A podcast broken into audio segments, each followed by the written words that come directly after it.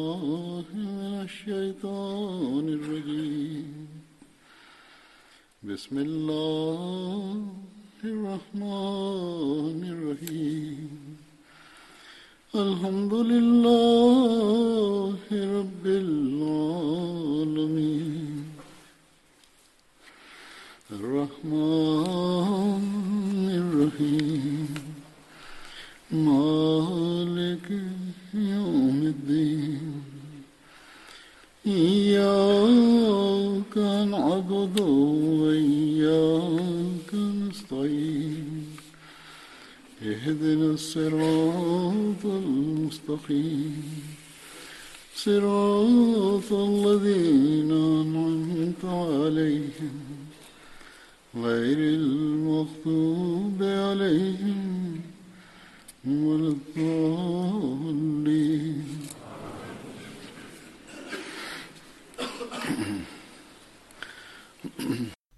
riwayat sahabat Badar yang akan saya sampaikan pada hari ini.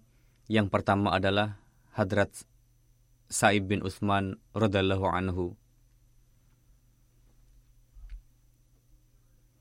Beliau berasal dari kabilah Banu Jama. Beliau adalah putra dari Utsman bin Maz'un radhiyallahu anhu. Ibunda beliau bernama Hadrat Kholah binti Hakim. Beliau memeluk Islam pada awal permulaan Islam. Hadrat Saib bin Utsman ikut serta dalam hijrah kedua menuju Habsyah beserta ayahanda dan paman beliau, Hadrat Qudamah.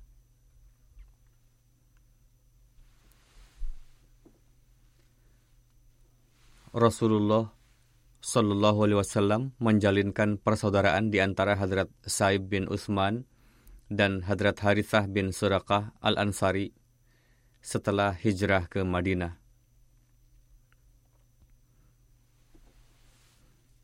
Beliau termasuk pasukan pemanah Rasulullah Sallallahu Alaihi Wasallam. Hadrat Saib bin Utsman ikut serta bersama Rasulullah dalam perang Badar, Uhud, Khandak, dan perang-perang lainnya.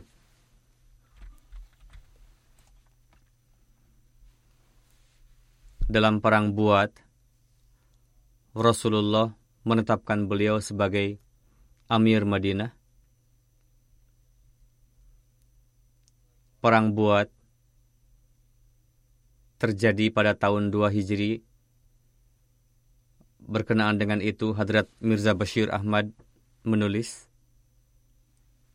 bahwa pada akhir Rabiul Awal atau permulaan Rabiul Akhir, Hadrat Rasulullah mendapatkan berita dari Quraisy yang karenanya beliau membawa serta kaum muhajirin keluar dari Madinah dan menetapkan Sa'ib bin Utsman bin Maz'un sebagai Amir Madinah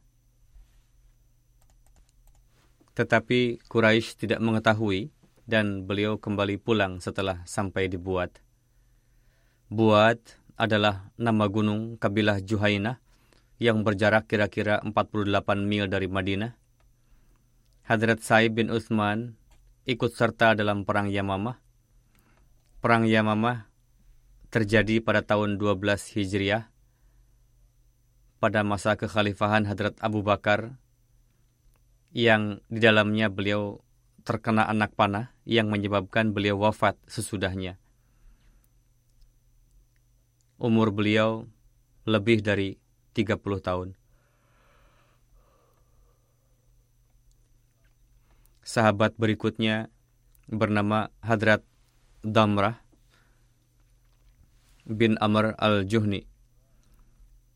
Ayahanda Hadrat Damrah adalah Amr bin Addi dan sebagian orang menyebutkan nama ayahanda beliau Bashar juga. Beliau adalah sekutu kabilah Banu Tarif, sedangkan menurut sebagian lagi beliau adalah sekutu kabilah Banu Sa'idah, yaitu kabilah Hadrat Sa'ad bin Ubadah, yakni perjanjian di antara mereka bahwa kapan pun membutuhkan bantuan di antara kedua belah pihak, mereka akan saling membantu.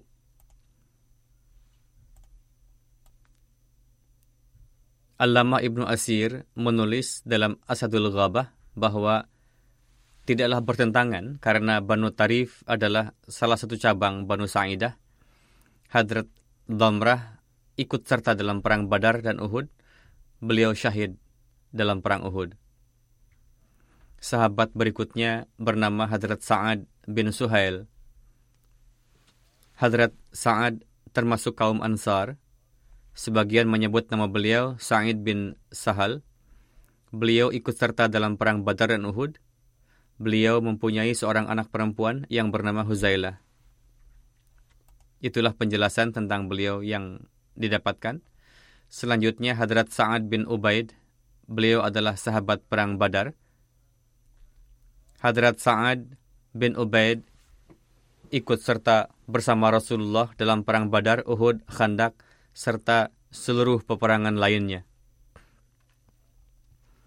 Nama beliau disebutkan juga Sa'id. Beliau tersohor dengan julukan Qari. Panggilan beliau adalah Abu Zaid.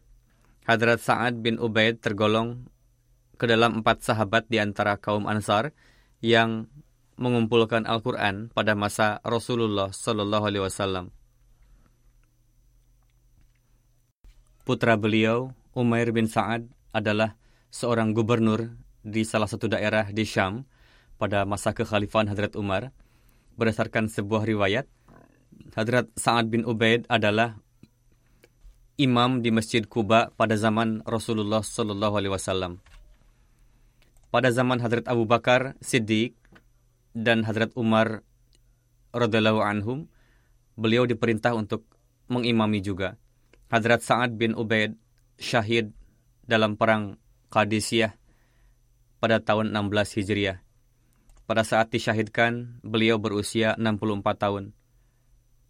Abdurrahman bin Abu Layla meriwayatkan bahwa perang Jisr yang terjadi pada tahun 13 Hijriah, di dalamnya Hadrat Sa'ad bin Ubaid menelan kekalahan dan orang-orang Islam menanggung cukup kerugian, Hadrat Umar bersabda kepada Hadrat Sa'ad bin Ubaid, apakah kamu tertarik dengan jihad di negeri Syam? Di sana orang-orang Islam mendapatkan kerugian besar. Jika kamu suka, pergilah ke sana, dan disebabkan oleh kekalahan yang menimpa umat muslim, sehingga pihak musuh menjadi semakin berani. Hadrat Umar bersabda, bisa jadi kamu dapat mencuci noda kekalahan yang menimpa diri kamu. Sepulang dari Perang Jisar, pasukan Islam mengalami kerugian. Hadrat Umar bersabda kepada beliau, jika kamu ingin mencuci noda kekalahan tersebut, di Syam sedang terjadi perang. Hadrat Sa'ad menjawab, tidak, saya tidak akan pergi ke mana-mana selain di bumi dari mana saya telah lari. Saya akan pergi melawan musuh yang telah mengalahkan kami, yakni maksudnya adalah musuh yang telah menang dalam peperangan sebelumnya. Oleh karena itu, Hadrat Sa'ad bin Ubaid datang ke Qadisiyah dan berperang di sana, kemudian syahid.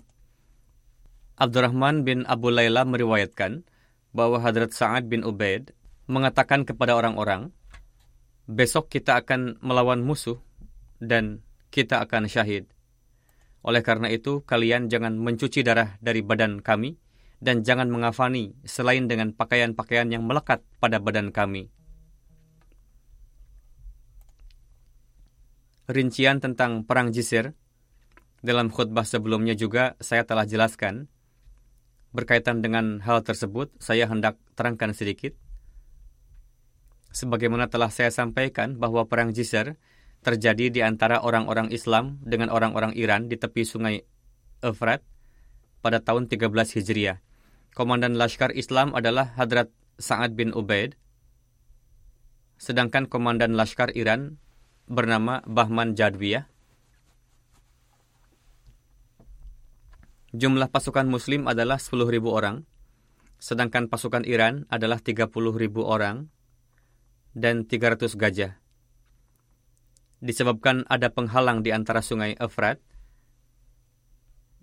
yakni sungai Efrat berada di tengah-tengah, oleh karena itu kedua kelompok berhenti berperang sampai agak lama sehingga disiapkan sebuah jisr atau jembatan di Efrat dengan persetujuan kedua belah pihak. Disebabkan jembatan itulah disebut dengan perang Jisr. Ketika jembatan sudah siap, Bahman Jadwiyah mengirimkan pesan kepada Hadrat Abu Ubaid, akankah kalian datang dengan menyeberangi jembatan ataukah kalian akan mengizinkan kami menyeberangi jembatan? Hadrat Abu Ubaid berpendapat supaya pasukan muslim menyeberangi jembatan dan berperang melawan kelompok penentang. Sedangkan pemimpin Lashkar Hadrat Sulaid menentang pendapat tersebut tetapi Hadrat Abu Ubaid menyeberangi sungai Efrat dan menyerang Laskar ahli Faris. Peperangan terus berlanjut sampai agak lama. Setelah itu Bahman Jadwiyah melihat tentaranya terpencar. Dia melihat bahwa pasukan Iran telah mundur, maka ia memerintahkan untuk memajukan gajah-gajah. Dengan majunya gajah-gajah, barisan muslim terpencar.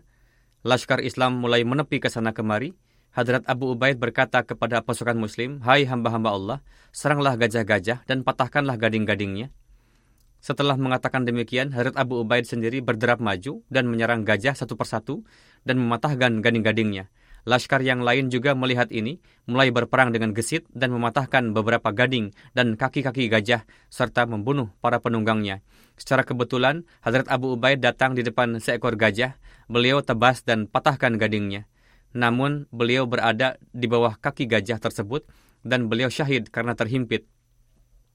Setelah pensyahidan Hadrat Abu Ubaid, tujuh orang menyelamatkan panji Islam secara bergantian dan mereka syahid saat perang.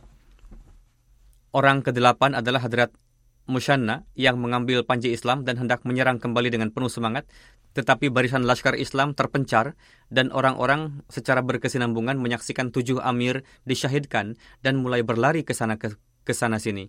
Sedangkan beberapa orang melompat ke, ke dalam sungai, Hadrat Musyana dan kawannya terus berperang dengan jantan. Akhirnya Hadrat Musyana terluka dan beliau seraya berperang menyeberangi sungai Efrat dan kembali. Dalam peristiwa tersebut, kaum muslimin banyak menanggung kerugian, 4.000 orang Islam syahid, sedangkan 6.000 tentara Iran terbunuh. Perang ini terjadi karena orang-orang Iran menyerang berkali-kali dan untuk menahan serangan-serangan tersebut diizinkan untuk berperang. Sahabat berikutnya adalah Hadrat Sahal bin Atik. Nama beliau juga disebut Suhail. Ibunda beliau bernama Hadrat Jamilah binti Al-Qamah. Hadrat Sahal bin Atik ikut serta dalam bayat Aqobah kedua bersama 70 kaum Ansar beliau mendapatkan kesempatan untuk ikut serta dalam perang Badar dan Uhud. Kemudian sahabat berikutnya adalah Hadrat Suhail bin Rafi. Hadrat Suhail berasal dari kabilah Banu Najjar. Tanah yang di atasnya dibangun Masjid Nabawi adalah milik beliau dan saudara beliau, Hadrat Sahal. Ibunda beliau bernama Hadrat Zubaibah binti Sahal. Hadrat Suhail ikut serta bersama Rasulullah dalam perang Badar, Uhud, Khandak, serta perang-perang yang lainnya.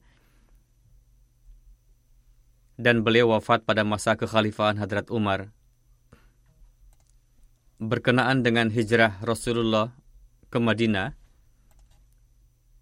Hadrat Muslim Maud menulis, beliau menulis bahwa ketika Rasulullah memasuki Madinah, setiap orang menghendaki supaya beliau tinggal di rumahnya. Lorong-lorong yang dilewati unta beliau, beragam keluarga yang ada di lorong tersebut berdiri di depan rumahnya masing-masing dan menyambut Rasulullah dengan mengatakan, "Ya Rasulullah, ini adalah rumah kami dan ini adalah harta kami dan ini jiwa kami yang hadir untuk mengkhidmati Anda, ya Rasulullah. Kami layak untuk menjaga Anda. Mohon untuk berkenan tinggal di rumah kami. Sebagian orang berderap maju dengan semangat dan memegang tali kendali unta beliau supaya beliau turun di rumah mereka. Namun beliau menjawab kepada setiap orang, tolong lepaskan unta saya. Pada hari ini, unta saya telah diperintahkan oleh Allah Ta'ala bahwa di mana Allah Ta'ala kehendaki, di sana unta ini akan berhenti. Unta ini akan berdiri di mana Allah Ta'ala kehendaki. Akhirnya, unta mendekati sebidang tanah anak-anak yatim, Banu Najjar di ujung Madinah, dan berhenti di sana. Beliau bersabda, nampaknya ini adalah kehendak Allah Ta'ala, supaya kami tinggal di sini. Kemudian beliau bersabda, tanah ini milik siapa? Ini adalah tanah milik beberapa anak yatim, walinya maju dan mengatakan, Ya Rasulullah, ini adalah tanah, tanah milik yatim si Anu dan si Anu, dan hadir untuk menghormati Anda. Beliau bersabda, kami tidak bisa mengambil tanah seseorang secara cuma-cuma. Akhirnya harganya ditetapkan dan beliau memutuskan untuk membangun masjid dan rumah-rumah pada tempat tersebut. Hadrat Mirza Bashir Ahmad menulis rinciannya dalam Sirat Khatamun Nabiyyin sebagai berikut. Pekerjaan pertama setelah bermukim di Madinah adalah pembangunan Masjid Nabawi. Tempat di mana unta beliau berhenti adalah milik dua anak laki-laki muslim Madinah yang bernama Sahal dan Suhail yang tinggal dalam pengawasan Hadrat As'ad bin Zurarah. Ini adalah sebidang tanah yang kosong, yakni tanah yang tidak produktif dan sama sekali tak berpenghuni. Di salah satu bagiannya terdapat satu dua pohon kurma, dan di bagian lainnya ada puing-puing reruntuhan bangunan. Hadrat Rasulullah menyukai tempat ini untuk dibangun masjid dan hujrah beliau. Dan beliau membeli tempat tersebut dengan harga 10 dirham.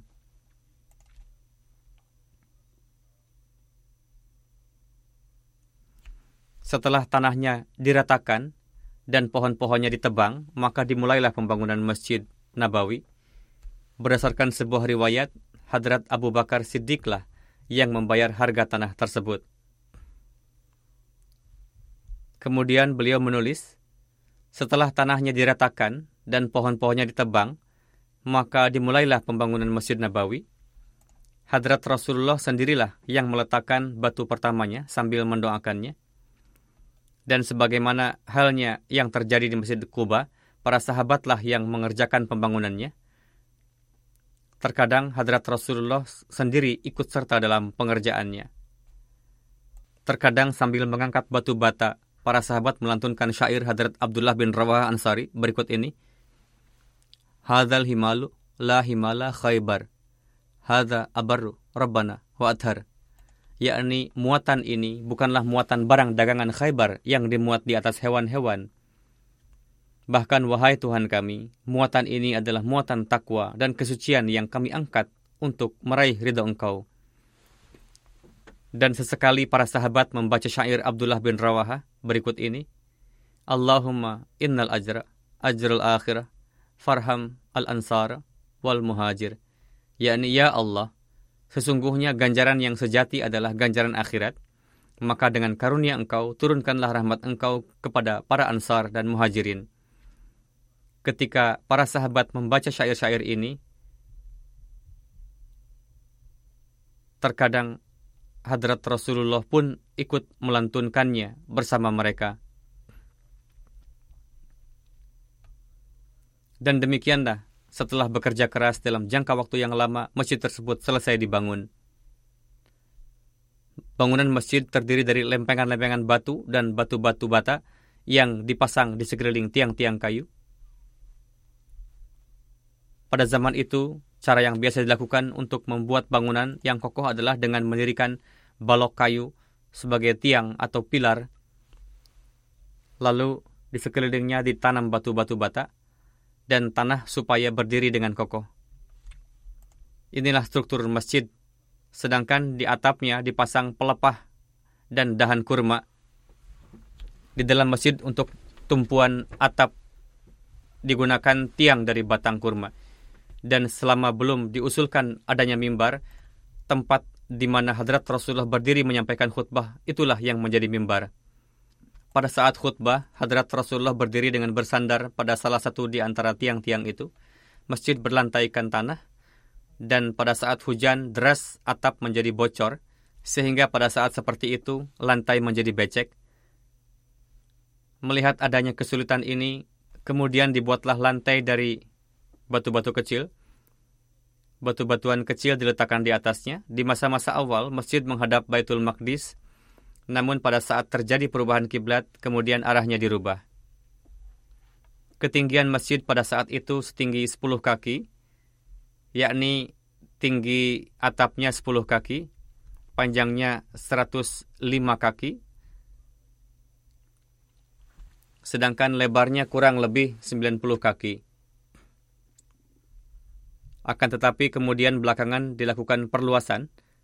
Area masjid yang luasnya 105 dikali 90 kaki ini pun bisa menampung kurang lebih 1.500 sampai 1.600 jamaah. Di salah satu sudut masjid dibuat satu serambi beratap yang dinamakan sufa. Ini diperuntukkan bagi para muhajirin yang tidak mempunyai rumah. Mereka tinggal di sini dan disebut sebagai ashabus sufa. Seolah-olah pekerjaan mereka siang malam adalah menyertai Rasulullah, beribadah, dan menilawatkan Al-Quran. Mereka tidak mempunyai pekerjaan tetap. Hadrat Rasulullah sendiri yang mengurusi mereka dan ketika beliau menerima suatu pemberian atau hadiah dan sebagainya, atau di rumah beliau ada sesuatu, maka pasti dikeluarkan bagian untuk mereka. Seringnya hadrat Rasulullah lah yang memberikan mereka makan dan minum, bahkan terkadang beliau sendiri menahan rasa lapar dan apa yang ada di rumah beliau, beliau berikan kepada para ashabus sufah. Kaum Ansor pun sampai batas tertentu terlibat dalam menjamu mereka, dan membawa tandan-tandan kurma yang digantungkan di masjid untuk mereka. Akan tetapi, meskipun demikian, kondisi mereka begitu sulit dan terkadang sangat kelaparan. Dan kondisi ini berlangsung hingga beberapa tahun, sampai suatu masa ketika populasi Madinah semakin bertambah, dan sebagai konsekuensinya tercipta lapangan pekerjaan bagi mereka, mereka mulai mendapatkan pekerjaan dan sebagainya. Dan telah ada bantuan dari Baitul Mal juga kondisi mereka menjadi lebih baik dan dibantu. Untuk hadrat Rasulullah disiapkan tempat tinggal yang menyambung dengan masjid. Bagaimana tempat tinggal itu? Sebuah hujrah kecil yang berukuran 10 sampai 15 kaki dan di antara hujrah dengan masjid tersebut dibuatkan satu pintu yang melaluinya hadrat Rasulullah datang ke masjid untuk memimpin salat dan sebagainya. Ketika hadrat Rasulullah melakukan beberapa pernikahan lagi, maka di samping hujrah tersebut dibangun juga hujrah-hujrah yang lain, dan di sekitar masjid dibangun juga rumah beberapa sahabat. Inilah Masjid Nabawi yang dibangun di Madinah, dan pada masa itu dikarenakan tidak ada gedung publik yang bisa digunakan untuk kepentingan umum, oleh karena itu masjid tersebut juga berfungsi sebagai gedung pemerintahan. Di sanalah kantor, di sana jugalah seluruh sekretariat pemerintahan, di sana jugalah Masjid Hadrat Rasulullah SAW dilaksanakan. Di sanalah segala macam musyawarah dilaksanakan, di sana jugalah keputusan pengadilan diambil, dari sana jugalah pemerintahan dijalankan, di sana juga digunakan sebagai tempat untuk penyambutan tamu, dan segala macam pekerjaan yang sifatnya kepentingan umum dilaksanakan di masjid tersebut. Dan jika diperlukan, digunakan juga sebagai tempat untuk menahan tawanan perang, yakni para tawanan perang ditempatkan juga di masjid, dan banyak sekali tawanan perang yang dengan melihat orang-orang Islam, bagaimana mereka melakukan ibadah, kasih sayang, dan kecintaan di antara mereka satu sama lain, sehingga terkadang membuat para tawanan itu masuk Islam. Sir William Muir yang merupakan seorang orientalis yang cukup banyak membuat tulisan yang menentang Islam dan juga hadrat Rasulullah. Akan tetapi mengenai hal itu, ia menulis, meskipun masjid ini dari sisi bahan-bahan bangunannya sangat biasa dan sederhana, namun Masjid Muhammad ini memiliki suatu kedudukan yang istimewa dalam sejarah Islam. Sang Rasul Tuhan dan para sahabatnya melewatkan sebagian besar waktunya di masjid tersebut. Di sinilah dimulainya salat berjamaah secara teratur. Di sini jugalah seluruh kaum muslimin berkumpul dengan khusyuk dan khidmat pada hari Jumat untuk menyimak wahyu terbaru dari Allah Ta'ala. Di sinilah Muhammad Sallallahu Alaihi Wasallam mematangkan rencana-rencananya untuk meraih kemenangan-kemenangan. Inilah bangunan di mana para delegasi kabilah yang telah ditaklukkan dan bertobat hadir menghadap beliau. Inilah singgasana yang dari sana perundang undangan kerajaan dijalankan yang membuat para pemberontak yang jauh di penjuru-penjuru Arab gemetar ketakutan. Dan pada akhirnya, di sisi masjid itulah, di dalam hujrah istri beliau Aisyah Muhammad Sallallahu Alaihi Wasallam wafat. Dan di tempat itu jugalah dua khalifah beliau dimakamkan berdamping-dampingan. Masjid ini dan hujrah-hujrah yang berdampingan dengan hanya dengannya dibangun kurang lebih tujuh bulan dan Hadrat Rasulullah datang ke tempat tinggal barunya ini bersama istri beliau Hadrat Saudah. Beberapa orang muhajirin juga setelah mendapatkan tanah dari kaum Ansar lalu membangun rumah-rumah di sekitar masjid dan mereka yang tidak bisa mendapatkan tanah di dekat masjid membuat rumah di tempat yang jauh-jauh dan sebagian mendapatkan rumah yang sudah jadi dari kaum Ansar. Singkatnya, Hadrat Suhail dan saudara laki-lakinya sangatlah beruntung mendapatkan taufik untuk mempersekutukan tanah mereka untuk markaz Islam yang agung ini.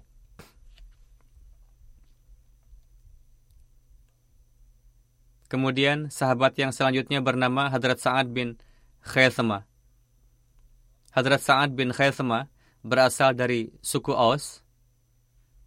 Ibu beliau bernama Hin bin Aus, binti Aus, Hadrat Abu Zayya Numan bin Sabit yang merupakan sahabat Badar adalah saudara laki-laki beliau dari pihak ibu.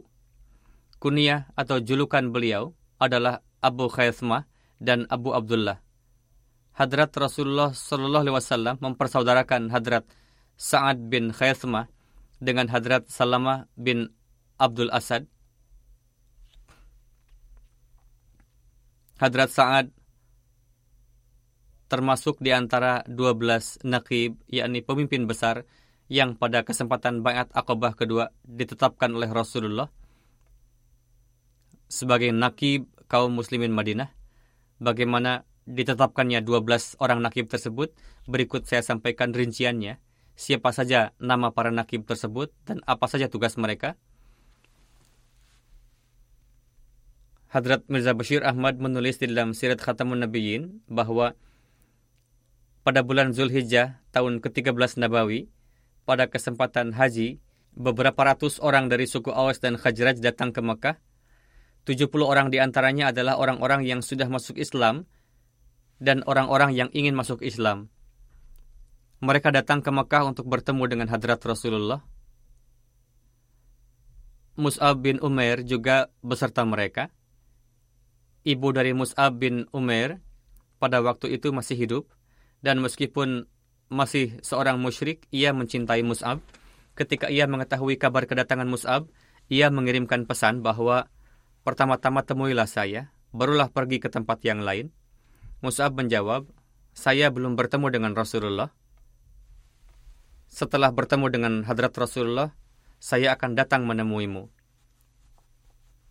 Oleh karena itu, ia datang ke hadapan hadrat Rasulullah, bertemu dengan beliau Sallallahu Alaihi Wasallam dan setelah menyampaikan keperluannya lalu pergi kepada ibunya. Ibunya duduk dengan sikap marah. Ketika melihat Mus'ab, ia menangis dan mengomel. Mus'ab berkata, Ibu, aku akan sampaikan suatu perkara yang sangat baik kepadamu, yang sangat berguna bagimu, dan akan menjadi penyelesaian pertengkaran-pertengkaran. Ibunya berkata, apa itu? Mus'ab menjawab dengan pelan-pelan, cukup tinggalkanlah penyembahan berhala dan masuklah Islam dan berimanlah kepada hadrat Rasulullah. Ibunya seorang yang pekat dalam kemusyrikan. Mendengar hal itu, ia langsung gaduh dan mengatakan, Demi bintang-bintang, aku tidak akan pernah masuk dalam agamamu. Lalu ia menangkap dan mengurung Mus'ab, namun beliau berhasil melarikan diri. Singkatnya, Hadrat Rasulullah sudah mengetahui kedatangan kaum Ansar dari Mus'ab, dan beberapa orang dari antara mereka secara perorangan telah bertemu dengan beliau. Namun dikarenakan pada saat itu diperlukan suatu pertemuan bersama dan secara rahasia, yakni hendaknya ada pertemuan terpisah, oleh karena itu, setelah selesai prosesi haji, ditetapkanlah pada tanggal pertengahan di bulan Zulhijjah. Di hari itu, menjelang tengah malam, semua orang hendaknya datang ke lembah yang sama seperti tahun lalu untuk menemui Rasulullah, sehingga bisa berbincang dengan tenang dan leluasa. Dan beliau Shallallahu Alaihi Wasallam menekankan kepada para ansor supaya jangan datang bergerombol, melainkan datang satu-satu atau dua-dua orang, karena bisa terlihat oleh musuh dan hendaknya datang ke lembah pada waktu yang telah ditetapkan dan jika ada yang tertidur maka jangan dibangunkan. Jangan juga menunggu orang yang tidak hadir. Sebagaimana pada tanggal yang telah ditetapkan pada malam hari saat berlalu satu per tiga malam, Rasul keluar dari rumah sendiri dan di jalan beliau mengajak paman beliau, Abbas, yang saat itu belum bayat. Namun beliau sangat mencintai Rasulullah dan merupakan pemimpin keluarga Hashim, Beliau berdua sampai di sungai tersebut. Tidak lama kemudian, para ansar datang silih berganti sebanyak dua orang dua orang. Mereka berjumlah 70 orang yang berasal dari kabilah Aus dan Khajraj. Abbas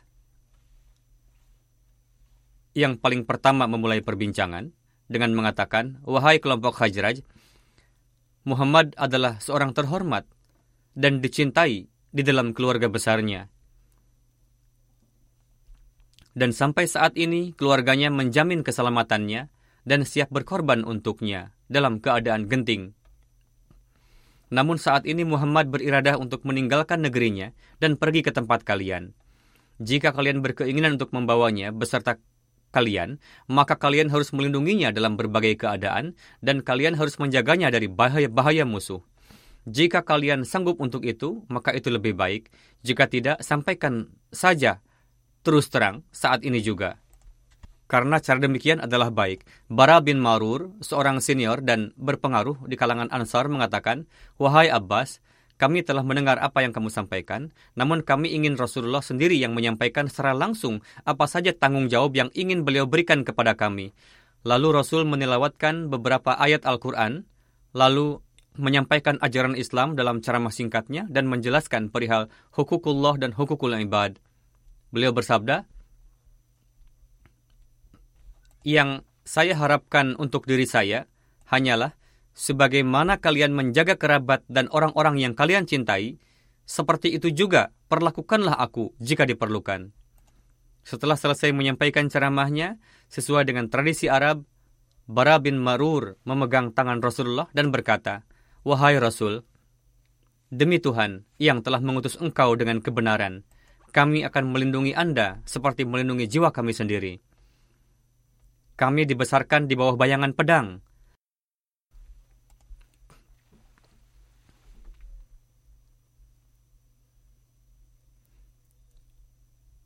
Belum lagi selesai ucapannya itu, Abul Haytham bin Taihan yang tengah duduk di sana memotong perkataannya. Beliau mengatakan, Wahai Rasul, ia pun sudah masuk Islam saat itu. Beliau mengatakan, Yahudi Yasrib memiliki hubungan kedekatan sejak lama dengan kami. Jika kami menjalin hubungan dengan Tuhan, maka mereka akan memutuskan diri dari kami. Jangan sampai ketika Allah memberikan kemenangan kepada Anda nanti, lantas Tuhan akan meninggalkan kami kembali ke negeri Tuhan. Sehingga posisi kami tidak ke sana dan tidak juga ke sini. Lalu sambil tersenyum, Rasul bersabda, tidak, tidak akan terjadi demikian. Darahmu akan menjadi darahku, kawanmu akan menjadi kawanku, musuhmu akan menjadi musuhku. Setelah melihat ke arah kawan-kawannya, Abbas bin Ubadah Ansari mengatakan, Wahai manusia, fahamkah kalian apa maksud dari perjanjian ini? Maksudnya adalah kalian harus siap untuk menghadapi setiap kulit putih dan hitam. Kalian harus selalu siap untuk menghadapi orang yang memusuhi Rasulullah dan bersedia untuk menghadapi segala pengorbanan.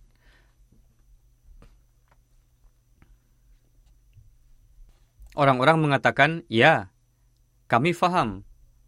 Namun, sebagai balasannya, apa yang akan kami dapatkan? Orang-orang bertanya kepada Rasul, kami akan siap melakukan segalanya, namun apa yang akan kami dapatkan? Rasul bersabda, kalian akan mendapatkan surga Allah Ta'ala yang merupakan nikmat yang paling tinggi. Semuanya mengatakan, kami setuju dengan perdagangan ini. Wahai Rasul, silahkan julurkan tangan Tuan.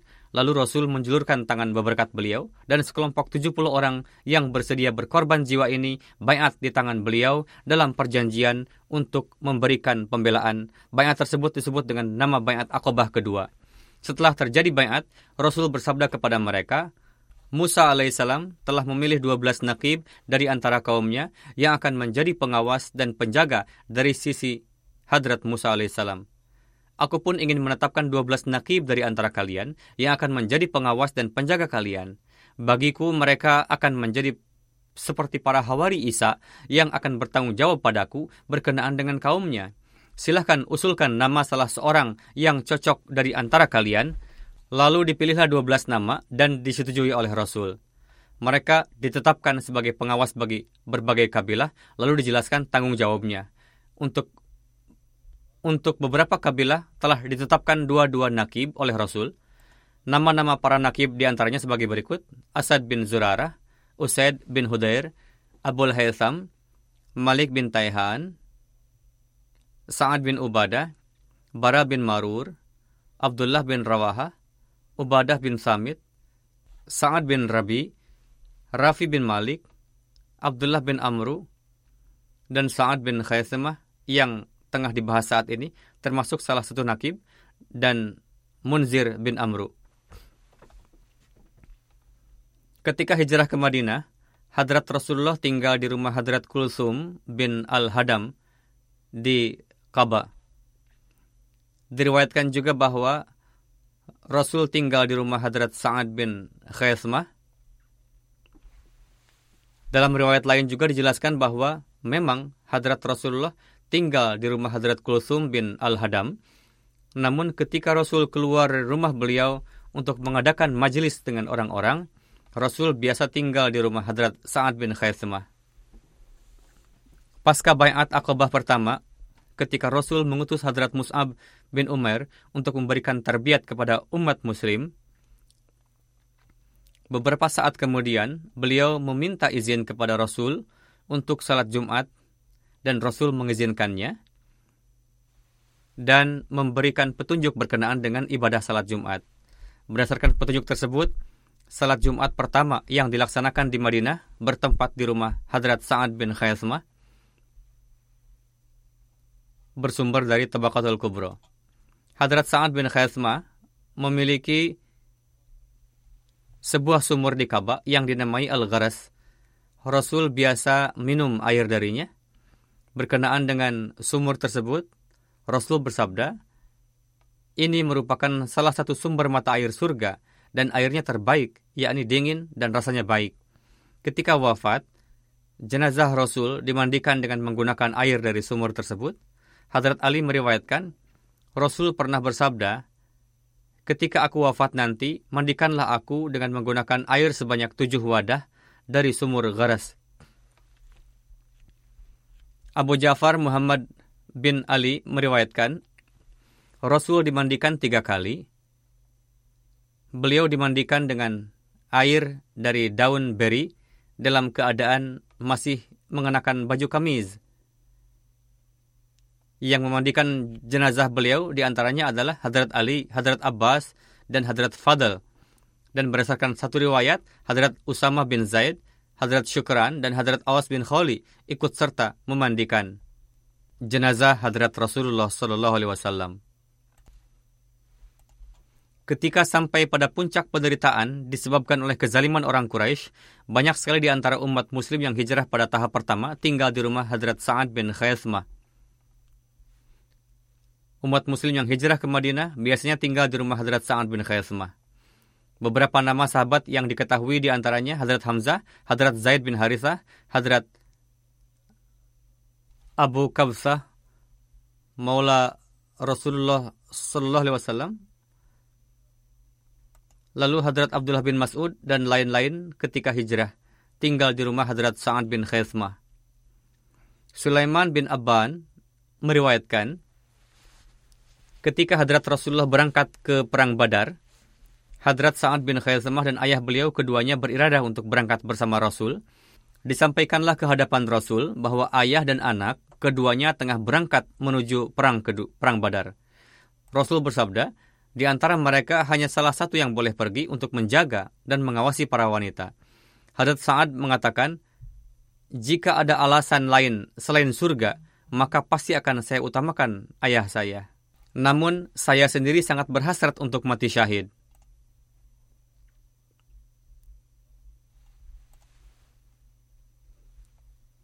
Lalu keduanya mengundi, ternyata yang keluar adalah nama Hadrat Sa'ad. Sehingga beliaulah yang ikut berperang bersama dengan Rasul dan akhirnya beliau syahid pada perang Badar. Beliau disyahidkan oleh Amru bin Abi Abdud berdasarkan riwayat lain, Aimah bin Adi yang mensyahidkan beliau dan Aimah berhasil dibunuh oleh Hadrat Hamzah pada perang Badar. Hadrat Ali berhasil membunuh Amr bin Abdud pada perang Khandak. Hadrat Ali bersabda, pada saat perang Badar, ketika siang hari kedua pasukan saling bertempur,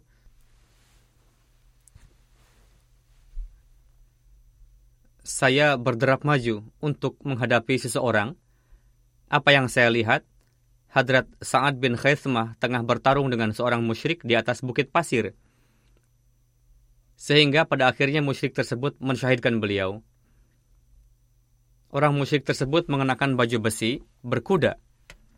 Lalu ia turun dari kudanya, ia mengenali saya, namun saya tidak mengenalinya. Ia menantang untuk bertarung dengan saya, lalu saya menghampirinya. Ketika ia mulai menyerang saya, saya mundur supaya posisinya sejajar. Tidak berada di ketinggian, dan itu merupakan prinsip pertarungan untuk turun ke bawah dan mendekat. Karena saya tidak mau ia menyerang dengan pedang dari ketinggian, ketika saya melangkah mundur, ia mengatakan, Hai Ibnu Abi Talib, kenapa kamu kabur? Saya katakan padanya, Karibun Mufarra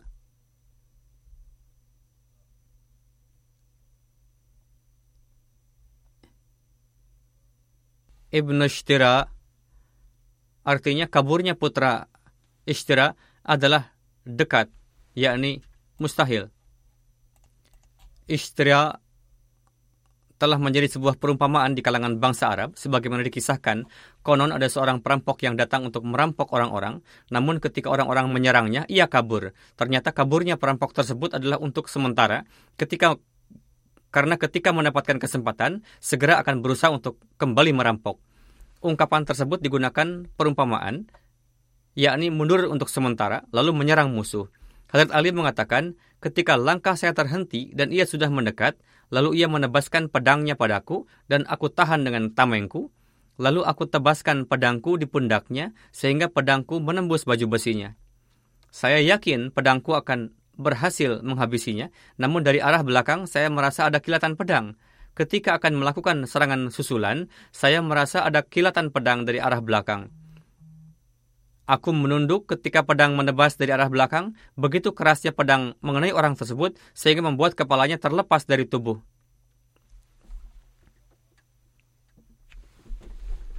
Hadrat Ali berkata, ketika saya menengok ke belakang, ternyata Hadrat Hamzah. Hadrat Hamzah mengatakan pada orang itu, rasakan pukulanku, aku adalah anak Abdul Muttalib. Dari riwayat ini kita ketahui bahwa Taimah bin Adi telah mensyahidkan Hadrat Sa'ad dan ia sendiri pun terbunuh di sana.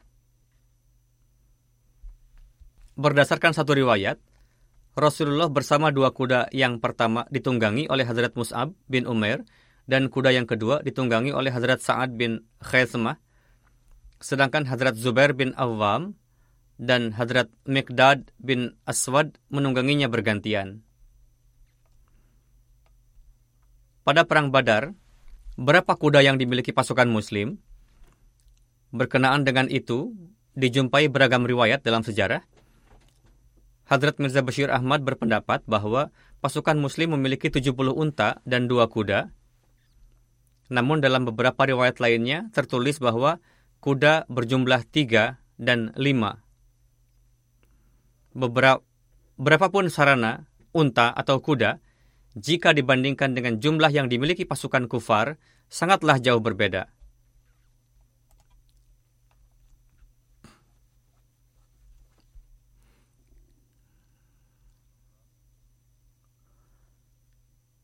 Namun, ketika umat Muslim diserang oleh kaum kufar yang berhasrat untuk menghapuskan Islam, pasukan mukmin sudah tidak memperdulikan jumlah sarana yang dimiliki, apakah itu kuda dan lain-lain. Melainkan gejolak untuk berkorban demi Allah Ta'ala, seperti yang zahir dari jawaban beliau tadi, yakni permasalahannya bukanlah memperebutkan benda duniawi, melainkan pengorbanan demi Allah Ta'ala. Untuk itu, sang putra mengatakan kepada sang ayah, dalam hal ini saya tidak bisa mengutamakan ayah. Jadi itu merupakan satu rintihan yang diterima oleh Allah Ta'ala dan kemenangan yang dianugerahkan oleh Allah Ta'ala. Semoga setiap saat Allah Ta'ala meninggikan derajat para sahabat tersebut. Amin.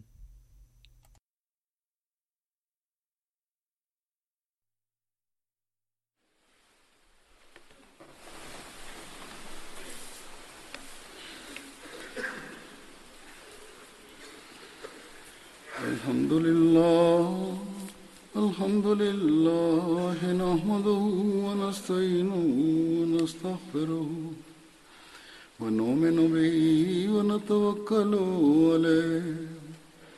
ونعوذ بالله من شرور أنفسنا ومن سيئات أعمالنا. من يهده الله فلا مضل له ومن يضلل فلا هادي له.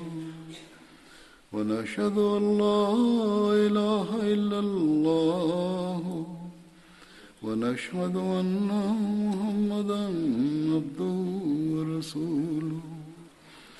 عباد الله رحمكم الله.